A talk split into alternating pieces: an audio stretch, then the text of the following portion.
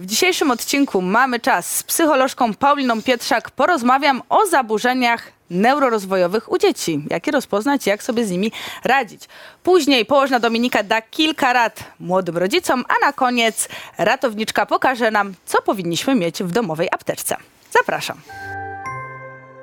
Gdy nasze dziecko się rozwija, zastanawiamy się, czy jego zachowania są aby adekwatne do wieku. Czasem zdarza się, że w przedszkolu czy żłobku pani powie, coś jest nie tak, powinniście skonsultować to ze specjalistą. No właśnie, jakie zachowania powinniśmy konsultować ze specjalistą? O tym dziś porozmawiam z moim gościem, Pauliną Pietrzak, psycholożką. Dzień dobry. Dzień dobry. Cieszę się, że jesteś i od razu na samym wstępie powiedz mi proszę, co nas powinno zaniepokoić w zachowaniu naszego dziecka? A, widzę, że z grubej rury Z grubej rury od razu, tak. E, To jest trudne pytanie, bo prawda jest taka, że niepokoi trochę wszystko, co jest ponad albo poniżej normy. Mhm. Więc nie jest to takie oczywiste, szczególnie nie jest to oczywiste dla rodziców. No bo rozmawiamy dzisiaj o neuroróżnorodności, która jest zaburzeniem dziedzicznym Mhm. e, i to zarówno spektrum autyzmu, jak i ADHD. No trochę jest tak, że Czyli jest tak, że to, że na przykład nasze dziecko ma autyzm albo ADHD może wynikać z genów? No badania pokazują, że zazwyczaj wynika Okej. z genów. Więc to jest trochę tak, że mm, no albo my, albo nasi rodzice mają to samo zaburzenie. Mhm. E, no i nie zauważamy, no bo jest tak, że nie wiem, dziecko trudno się koncentruje, wszystko go rozprasza, wszystko ciekawi. Przychodzą rodzice i mówią, ale ja też tak mam. Mhm. Ej, to normalne. I ja zawsze powtarzam, że mm, to, co normalne, konsultujemy u specjalisty. Mhm. No i to trochę tak jest, że ja zawsze doradzam rodzicom, że jeżeli mają takie poczucie, mm, że coś może być nie tak, albo specjaliści w przedszkolu czy w żłobku mówią, a warto coś sprawdzić, to po prostu sprawdźmy. Tak chociażby dla świętego spokoju, no żeby wiedzieć, czy tak, czy nie. Od tego są ci specjaliści, żeby się skupili, spojrzeli diagnostycznym okiem i powiedzieli, albo ok, pracujemy, albo diagnozujemy, albo w tym wieku to norma. To norma. E, to moje ulubione. W tym wieku to norma. Kocham chodzić do lekarza, jak mi tak mówią i to mnie wtedy tak uspokaja, że to jest normalne, że na przykład moje dziecko, nie wiem, wchodzi na szafki mając e, rok na przykład, tak? Ale właśnie. E, Zacznijmy sobie od ADHD, bo ADHD kojarzy się z tym, że tych, w sensie tak jest przedstawiane, że te dzieci są takie bardzo nadpobudliwe. I czy to rzeczywiście tak jest, czy nie? I tak i nie. To jest moje ulubione stwierdzenie, to zależy. Faktycznie wokół ADHD jest bardzo dużo mitów. E, Tylko warto pamiętać, że ADHD to jest całe spektrum objawów. Ja czasami tak już obrazowo mówię, że to jest zaburzenie skrajności. Bo nawet patrząc na te mity, które są, to faktycznie jest ten po prostu nie mogący nigdzie usiedzieć chłopiec, który biega po całej sali, wszystko rozwala. Ale to też według mitów jest ta dziewczynka w ostatniej ławce, która cały czas gdzieś w obłokach buja, patrzy przez okno, w ogóle jej nie ma, nic nie słyszy, co się do niej mówi. Zupełnie dwie różne rzeczy, a zaburzenie jest to samo. Więc ym, nie musi. Może, bo faktycznie w ADHD mamy objawy związane z nadpobudliwością psychorochową, no ale to nie jest tak, że ja mając ADHD zacznę tu biegać i, i roznosić po prostu wszystko. Może być tak, że realizujemy tę nadpobudliwość machając nogami, albo kręcąc palcami, obgryzając paznokcie, kręcąc loka, czy rozdrapując różne rzeczy. W totalnie różny sposób jesteśmy w stanie tą nadruchliwość sobie, tak potocznie mówiąc, rozładować. Mhm. A jeśli nie ta nadrukliwość, to co jeszcze jest takim objawem ADHD? Generalnie same objawy ADHD dzielą się na dwie kategorie. Pierwsza kategoria to są zaburzenia koncentracji uwagi, a druga kategoria to są zaburzenia nadruchliwości i impulsywności. I teraz tak, w koncentracji uwagi, no to oczywiście są wszystkie rzeczy związane z tą uwagą. Czyli to, że trudno jest mi się dłuższy czas skupić na jednym zadaniu, że bardzo dużo rzeczy mnie interesuje, przeskakuję z zadania na zadanie. Też robię takie błędy z nieuwagi. U dzieci na przykład w początkowych momentach edukacji z matematyką jest problem. No bo trójka i dziewiątka są przecież identyczne. No okej. tak, przecież są bardzo podobne. Albo na przykład wynik. Niby wiem, że wychodzi 69, ale napisało mi się 96. Z drugiej strony to jest takie przywiązanie do szczegółów. Czyli jak ja rysuję cały obrazek, e, to mam zrobiony szkic, co ja chcę narysować, ale najbardziej mnie zainteresowała ta różyczka i ją tam idealnie namaluję. A cała reszta mm, jak cię mogę. To też jest takie mm, odwlekanie różnych rzeczy, no bo ADHD jest zaburzeniem funkcji wykonawczych. Czyli to jest tak, że bardzo trudno jest mi się zabrać za zadanie, które mnie jakoś nie pochłania, nie pasjonuje. To jest tak, że nie chcę mi, a to później, a ten pokój to zaraz posprzątam, a z drugiej strony robię tyle rzeczy tylko te wszystkie rzeczy mnie interesują. Pokój to później, ale najpierw pójdę na tańce, poza tym rysunek, a jeszcze tutaj się z Kasią umówiłam, że robimy taki nowy projekt na programowanie i w ogóle wszystko jest super interesujące. W ogóle to jest taki problem z organizacją czasu, czyli e, w ogóle z ogarnięciem, ile czasu jest mi potrzebne na pracę domową. Prace domowe są albo robione na kolanie przed, albo w ogóle nie robione, no bo ten czas jest jakimś takim pojęciem abstrakcyjnym, ale co to znaczy godzina? Ile ja zrobię w godzinę? Przecież nie dużo mogę zrobić No w tak. godzinę. A okazuje się, że nie do końca. E, A powiedz mi, bo tak sobie myślę teraz, e, kiedy tak naprawdę zachowanie dziecka Mhm. powinno nas skłonić e, do pójścia do specjalisty, jeśli mówimy o ADHD? Czy Mhm. takie już zachowanie możemy zauważyć u takich maluchów, przykładowo w żłobku czy w przedszkolu, czy dopiero na przykład one się objawiają e, później, czyli na przykład w szkole? możemy zauważyć, ale nikt nas nie zdiagnozuje. To jest trochę tak, że chwilowo, jak z ADHD człowiek się rodzi, tak na stan dzisiejszej medycyny z nim umrze.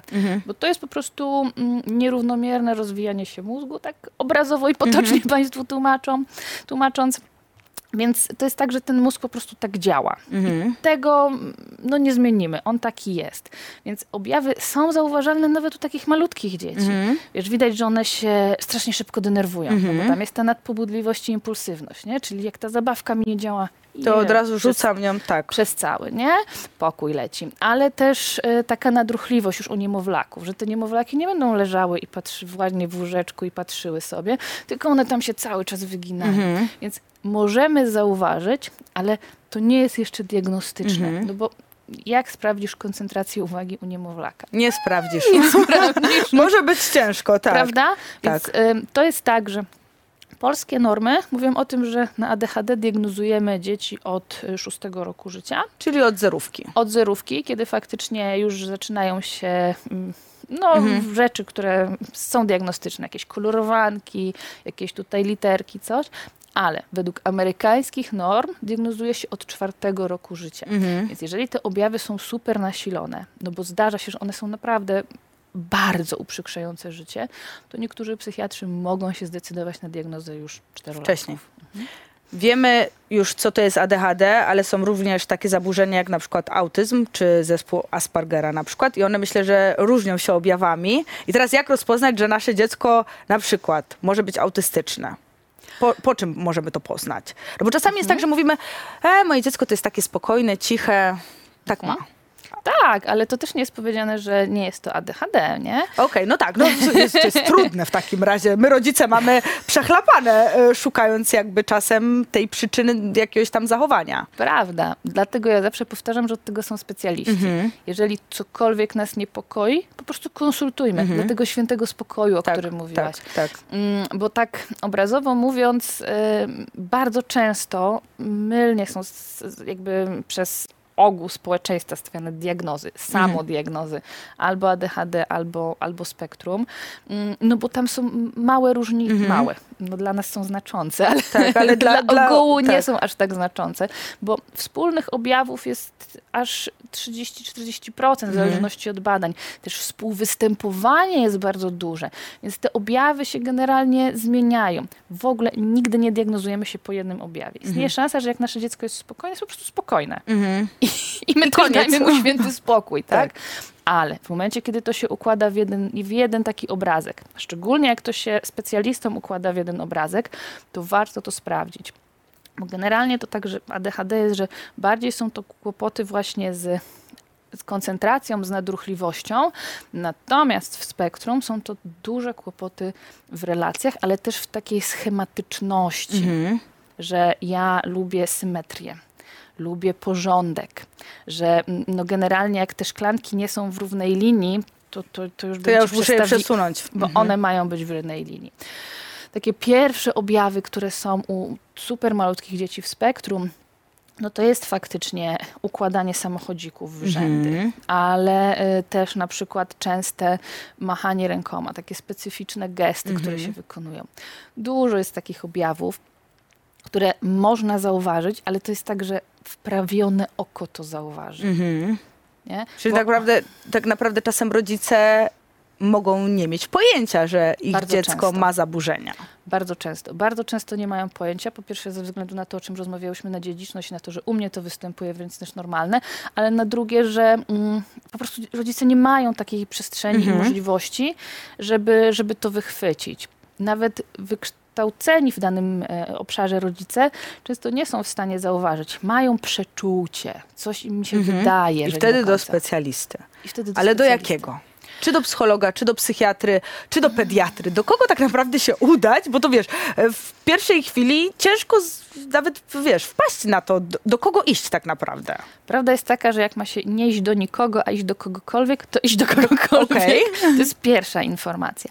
Druga informacja jest, że faktycznie warto pójść albo do dobrego psychologa dziecięcego, żeby się skonsultować i on nas po prostu pokieruje na dalszą diagnozę, albo w momencie, kiedy mamy takie silne poczucie, nie wiem, już dziecko jest starsze, rozmawialiśmy z nim, on mówi, że nie no, tej historii to on w ogóle nie jest w stanie, te wojny napoleońskie się toczą, a tam każdy dźwięk go rozprasza, który jest za oknem, można wtedy od razu iść do psychiatry, powiedzieć, jakie są objawy i psychiatra też pokieruje tym procesem diagnostycznym, bo u dzieci zawsze jest diagnoza w zespołach. W sensie nigdy nie robi tego jedna osoba. W przypadku neuroróżnorodności też są to konsultacje kardiologiczne, konsultacje neurologiczne, więc tutaj jest cały zespół specjalistów.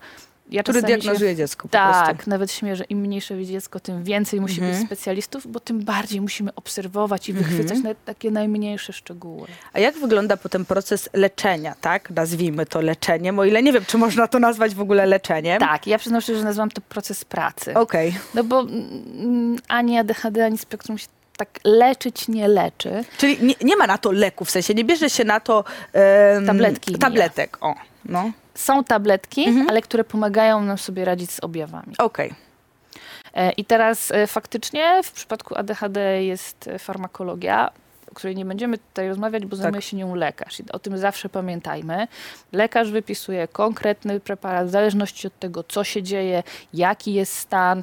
Też e, na przykład z ADHD jest bardzo dużo zaburzeń współwystępujących, więc ta farmakologia totalnie się zmienia i tym zajmuje się lekarz. Ale u dzieci absolutnie podstawą jest praca terapeutyczna. I to niezależnie czy w spektrum autyzmu, czy w spektrum ADHD, praca terapeutyczna to jest taki I to praca terapeutyczna z dzieckiem, żeby nauczyć go radzić sobie w relacjach, ogarniać ten wszechobecny chaos, albo te impulsy, o których jeszcze wcześniej nie mówiłyśmy, takie, które są mega silne, radzić sobie z emocjami, tą regulację emocji nauczyć się po prostu wykorzystywać, ale z rodzicami.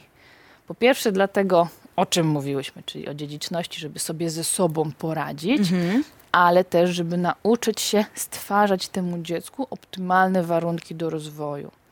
Bo to jest tak, że mm, w momencie, kiedy dziecko wszędzie ma chaos, ten pokój jest po prostu w bałaganie, z tego plecaka już wychodzą rzeczy, bo, bo trudno jest tym zarządzić. To tak nam się wydaje, że to jest hop ale zarządzanie tym w wieku rozwojowym jest mega trudne i trzeba się tego nauczyć. Tylko ta nauka już nie jest taka prosta. Wtedy sobie robimy takie poznawczo-behawioralne różne rzeczy. Co rano robię? No poranek to też jest bardzo skomplikowana No rzecz. oczywiście, że tak. To jest najbardziej skomplikowana w ogóle część dnia dla wszystkich, myślę. Dla nas A przed pierwszą kawą, Tak. prawda? Ale dla dzieci tak w ogóle organizacyjnie. Ale co ja mam zrobić? No wstałem z łóżka i co? Kochanie, zdejmij piżamę. A skąd ja mam wiedzieć, że akurat piżamę pierwszą zdejmę? Nie? Więc rozpisujemy sobie tak na ścianach, rozpiskę co po kolei. E, więc tutaj absolutną podstawą pracy jest e, praca terapeutyczna. I pracę całej rodziny. Nie tylko dziecko, ale Oj, również dorośli, żeby właśnie tak jak mówisz, stwarzać tą taką taką przestrzeń ogarniętą, tak? Że wszystko jakby, każda minuta można powiedzieć, że jest nawet zagospodarowana. Może E, nie minuta. może nie minuta, no przesadziłam, ale godzina załóżmy, Okej, tak. Ale na przykład godzina. E, no właśnie, ale czasami jest tak, że jak na przykład rówieśnicy dowiadują się, że on ma ADHD albo on ma autyzm, to ja nie chcę się z nim bawić. To ja go wyśmieję, to ja go obrażę. Te dzieci nie są akceptowane w środowisku. W sensie to jest tak jakby, jest taka przyklejona do nich łatka, że im coś jest, że z nimi nie warto się bawić, bo coś tam. Czasami przecież dzieci z ADHD, nie wiem, reagują krzykiem, e, czy na przykład e, uderzą kogoś e, i to wynika jakby właśnie z tych zaburzeń. I jak nauczyć dzieci i dorosłych może, a nie, nie tylko dzieci, jakiejś takiej akceptacji? Po pierwsze psychoedukować, Mhm. bo to jest to, co ja powtarzam. ADHD, no najnowsze badania mówią, że to jest aż 15% społeczeństwa. Czyli dużo. To jest bardzo dużo. Mhm. Nawet patrząc na ilość osób, które tutaj jest, tak półtorej osoby zna na ADHD. Nie? Więc tutaj to jest super dużo. Więc po pierwsze psychoedukacja, więc super, że dzisiaj o tym rozmawiamy, e, że jest to więcej osób niż nam się wydaje. E, po drugie, jakby to też jest to działanie terapeutyczne, że akceptacja tego, że tak jest, że takie objawy są. To jest tak jak z nadruchliwością. Nie? Ja oczywiście mogę siedzieć totalnie spokojnie i się nie ruszać, strasznie dużo będzie mnie to kosztowało, a co komu przeszkadza, że ja sobie będę kręciła palcami. Prawda. Obrazek i tak jest zazwyczaj wycięty, a nawet jak ja się trochę ruszam, no to co się dzieje? Tylko to ja muszę to zaakceptować. Mhm. Ja muszę sobie powiedzieć, a dobra, no tak mam. Oczywiście nad rzeczami, które są problematyczne dla mnie, to zarządzanie czasem, gubienie rzeczy, czy przegadywanie wszystkich, nadmierna gadatliwość, czy ta impulsywność, o której mówiłaś, pracuję. No nad tym da się pracować i to dość skutecznie, ale w innych obszarach mieć tą jakby wobec siebie akceptację i samozrozumienie, że niektóre rzeczy po prostu tak będą wyglądać. Z tego, co mówisz, to tą półtorą os- półtorej osoby to jestem ja. Gadatliwa, nadruchliwa. Myślę, że powinnam zacząć obserwować swoje dzieci czy przypadkiem. One akurat w moich e, genach, w sensie w swoich genach nie mają e, tego, co ja mam. Myślę, że bardzo Paulina nam rozjaśniłaś dzisiejszy temat i myślę, że wiele osób po obejrzeniu naszej rozmowy em, zastanowi się też nad problemem i tak jak mówisz, 15% w całym społeczeństwie to jest bardzo, bardzo dużo. Bardzo Ci dziękuję Paulina, że dzisiaj tutaj również. byłaś z nami. E, Myślę, że jeszcze nie raz się spotkamy, bo temat jest obszerny. Oj tak, bardzo, bardzo. Więc do zobaczenia. Do zobaczenia, dziękuję Ci bardzo. A Was teraz zapraszam na kącik położnej. Zwyczajowo przyjęło się uważać, że bycie w czepku urodzonym jest czynnikiem predysponującym do szczęścia w życiu. Ale co tak naprawdę samo hasło w czepku urodzony oznacza? Otóż płód, dziecko rozwijające się wewnątrzmacicznie u mamy, jest e, schowane jakby w worek owodniowy. E, Jajo płodowe otoczone workiem owodniowym, wypełnione płynem owodniowym, zawiera płód, pępowinę i łożysko. W momencie, kiedy noworodek przychodzi na świat, te błony płodowe standardowo pękają. Odchodzą nam wody i pomalutku dziecko rodzi się na świat. Bywają jednak takie przypadki, w których te błony nie pękają albo gdzieś robi się w nich maleńka dziurka, odchodzi tylko płyn, ale zanim urodzi się dziecko, rodzi się jakby w czapeczce właśnie z worka owodniowego. E, noworodek urodzony w błonach płodowych e, zwykle już ma tą dobrą kartę na całe życie i przypominamy mamie, że ma dziecko urodzone w czepku, także duże szczęście przed nim. Z medycznego punktu widzenia tak naprawdę nie ma to kompletnie żadnego znaczenia. Rodzenie się w czepku noworodka e, nie stwarza dla niego żadnego zagrożenia, jest jedynie tym zwyczajowym, takim dobrym omenem na przyszłość. E, także tutaj nie musimy się obawiać żadnych konsekwencji. Jest to jedynie bardzo miłe wspomnienie z sali porodowej i każdemu, czy w czepku urodzonemu, czy nie w czepku urodzonemu noworodkowi i tak życzymy takiego samego szczęścia. Ale jak można tradycyjną myśl przekazać dalej, to dlaczego nie?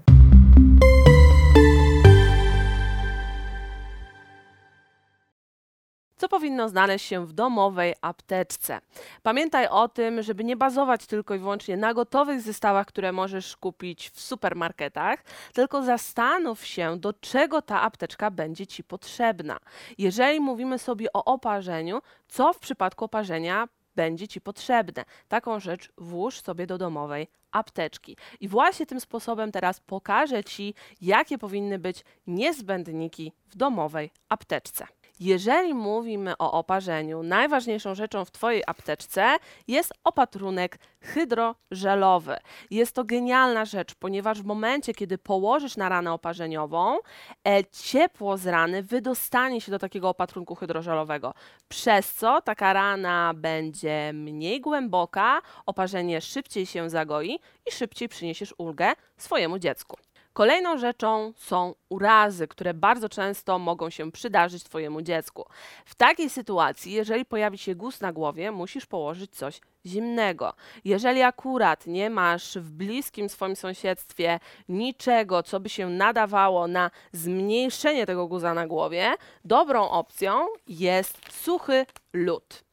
Jest to coś jednorazowego, więc możesz nosić to ze sobą wszędzie, nawet w 40-stopniowym upale. W momencie, kiedy to naciśniesz, zaczyna to pęcznieć i jest zimne. Wtedy przykładasz dziecku do główki i guz automatycznie jest mniejszy. Jeżeli pojawi się rozcięcie na ciele Twojego dziecka po kontakcie z rogiem przykładowo stołu, wtedy na pewno będziesz się zastanawiać, czy jechać do szpitala na szycie, czy też nie. Jeżeli e, taka rana nie krwawi mocno, możesz w 100% zostać w domu i wtedy użyć specjalne plasterki. Plasterki o nazwie strip. W momencie, kiedy mamy podłużną ranę i nakleisz taki e, plasterek, to po zbliżeniu brzegów rany taka rana lepiej i szybciej się zagoi. Zastępuje to szwy, które zakładamy w szpitalu. Kolejnym niezbędnikiem w domowej apteczce są nożyczki. Zapewne nożyczki, które masz w swojej samochodowej apteczce, to są właśnie te zwykłe srebrne. Natomiast, czy one cokolwiek przetną?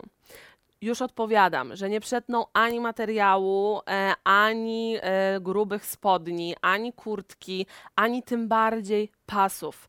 Dlatego zastanów się, czy nie lepiej zainwestować w nożyczki, które przetną wszystko. Pasy bezpieczeństwa, jeżeli będziesz musiał ewakuować swoje dziecko z samochodu, albo ubranie w momencie, kiedy twoje dziecko przyjdzie z bolącą rączką, będziesz musiał zobaczyć, co tam się dzieje, a nie będziesz w stanie zdjąć kurtki. Wtedy takie nożyczki, które przetną wszystko, na pewno się przydadzą.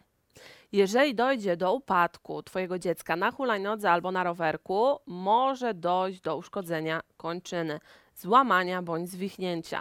W takiej sytuacji musisz jak najszybciej udać się do szpitala, żeby zrobić specjalistyczne badania. Wtedy w jaki sposób trzeba przewieźć to dziecko swoim samochodem, bo to nie jest stan zagrożenia życia, więc nie licz na to, że karetka zostanie wysłana. Dlatego w jaki sposób najlepiej, najbezpieczniej i najszybciej przetransportować takie dziecko do szpitala, żeby przynieść ulgę e, dziecku w momencie, kiedy trzyma rączkę i mówi, że boli, trzeba tą rączkę ustabilizować, czyli podłożyć coś pod rączkę. Najlepszą opcją jest tak zwana szyna splint. Zobacz, jak to wygląda. Rozwijamy to i możemy to dopasować do kształtu kończyny, nawet jeżeli będzie ustawiona w jakichś dziwnych kątach. Żeby to się nie zginało, musisz zrobić później taką łódeczkę. Wtedy zobacz, nie będziesz w stanie tego zgiąć, więc kończyna będzie ustabilizowana. Oczywiście, jak przyłożę to już do rączki, muszę obwiązać to bandażem, żeby to nie odpadło. I w takiej sytuacji, w taki sposób jedziesz do szpitala. W szpitalu oddamy Ci taką szynę splint, po czym Ty ją możesz w łatwy sposób umyć, zwinąć i włożyć z powrotem do swojej domowej apteczki na kolejny raz. Pamiętaj również, aby w swojej domowej apteczce mieć termometr, ale termometr, do którego masz zaufanie i wiesz, że ten wynik, który pokazuje, jest to wynik wiarygodny. Przypominam, że u małych dzieci masz do dyspozycji trzy miejsca pomiaru. Jest to tutaj ta okolica, czyli czoło, skroń, powieka. Drugie miejsce jest to ucho, ale ucho dopiero od szóstego miesiąca życia oraz odbyt. Oczywiście do każdego z tych miejsc musisz mieć oddzielny termometr. Przy zbijaniu gorączki bardzo ważne jest również to, aby zbijać ją szybko i nie doprowadzać do tych najwyższych wyników. W przypadku dzieci do 6 roku życia mogą wystąpić drgawki gorączkowe, czyli utrata przytomności z drgawkami. Jest to za stan zagrożenia zdrowia i życia, dlatego jak najszybciej musisz zadzwonić na pogotowie. Jeżeli masz zły termometr, który pokaże ci nieprawidłowy wynik, w zły sposób będziesz zbijać gorączkę, przez co możesz szybciej doprowadzić do drgawek gorączkowych. Dlatego upewnij się, czy Twój termometr jest wiarygodny. Te niezbędniki, które Ci pokazałam, to są dodatkowe rzeczy, które mogą usprawnić Twoje działanie na miejscu zdarzenia, tak żeby szybciej przynieść ulgę Twojemu dziecku. Oczywiście nie możesz zapomnieć o podstawach, czyli rękawiczkach, bandażach i plasterkach, najlepiej kolorowych.